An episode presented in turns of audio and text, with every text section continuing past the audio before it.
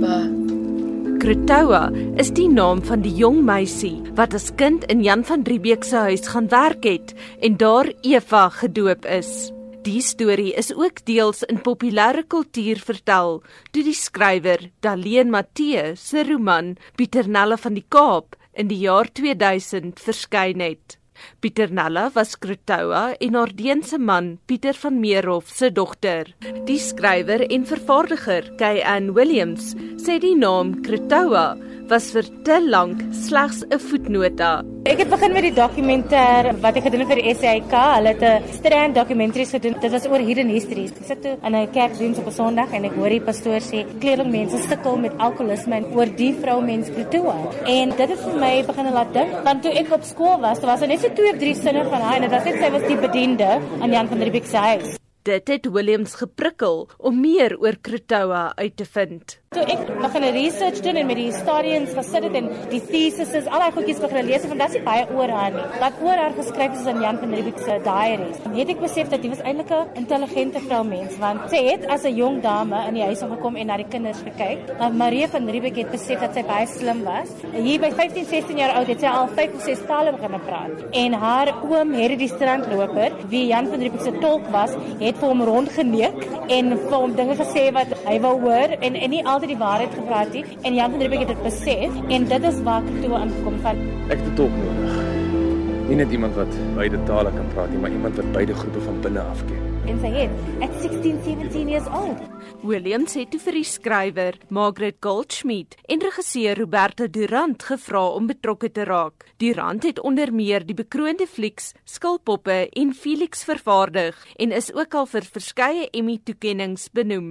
Sy sê om regisseur van Kretoua te wees was ook 'n moeilike en soms omstrede storie om te vertel. Her life was difficult and it was tragic het jou mense bedrieg. Ek een van hulle geword.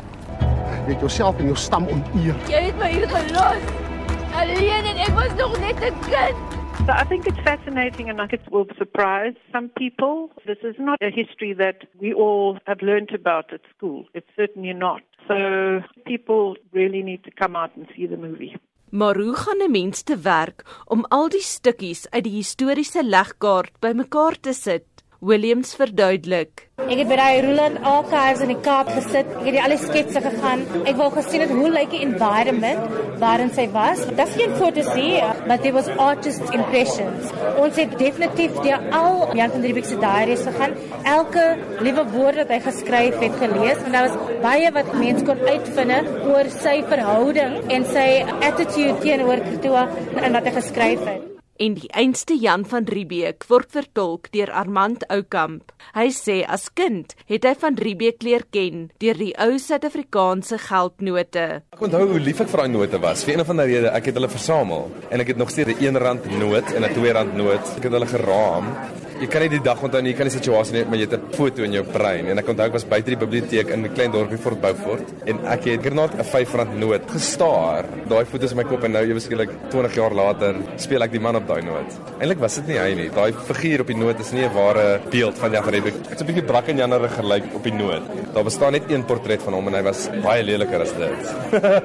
Volgens Oukamp was dit juis sy taak om lewe in die harde geskiedkundige granietbeeld te blaas. Dis juis die issue met myself gewees voordat ek die rol aanvaar het, is dat ek ook voorafgestelde idees gehad het en dit was my wonderlik om die mens agter die figuur te vind en te besef dat hierdie koue historiese figure wat ons oordeel, was mense net soos ons met vrese en emosies en doelwitte of dit nou reg of verkeerd is is nie vir my om te oordeel nie, maar dis hoekom ek hou van 'n akteur wees, want jy gee motivering vir hoekom mense doen wat hulle doen. En dit is gewoonlik uit 'n uh, geweldige drang om iets te bereik of 'n ongelooflike vrees om iets te verloor. Mens wees. Teenoor hom speel Ernest Sinclair wat vir die eerste keer sy buiging op die groot skerm maak. Sinclair, wat uit die televisie en verhoogbedryf kom, sê hy het nog altyd gebid vir so 'n silwerdoekrol. Ek wil nie my eerste ding wat ek vir Suid-Afrika gedoen het, weer die stereotypical gangster en almal daai goed hier. This is a negative connotation which is also true, but it's not what we all about. So as 'n akteur ek kan I appreciate dat ek you know my grense kan groter geword het en almal het so definitief. It's nice. Ja, jy was terug. Crystal Donna Roberts vertolk die hoofrol. Sy en haar mede-akteurs moes die Khoi San tongval en die Kuku Guap taal aanleer. Die taggie skool gawat aan die krotua kyk keisa. Ron Martin, Bradley van Sitters en Dorothea Davids het insette gelewer in terme van die taalgebruik.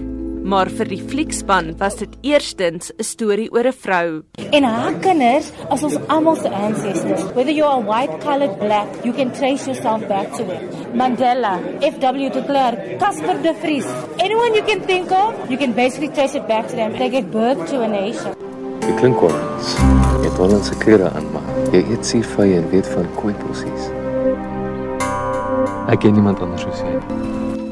So that is the story that I'm hoping is going to come out. I'm hoping that at the end of this, we are going to discover someone that we as South Africans have in common and that can unite us as a nation because we need it.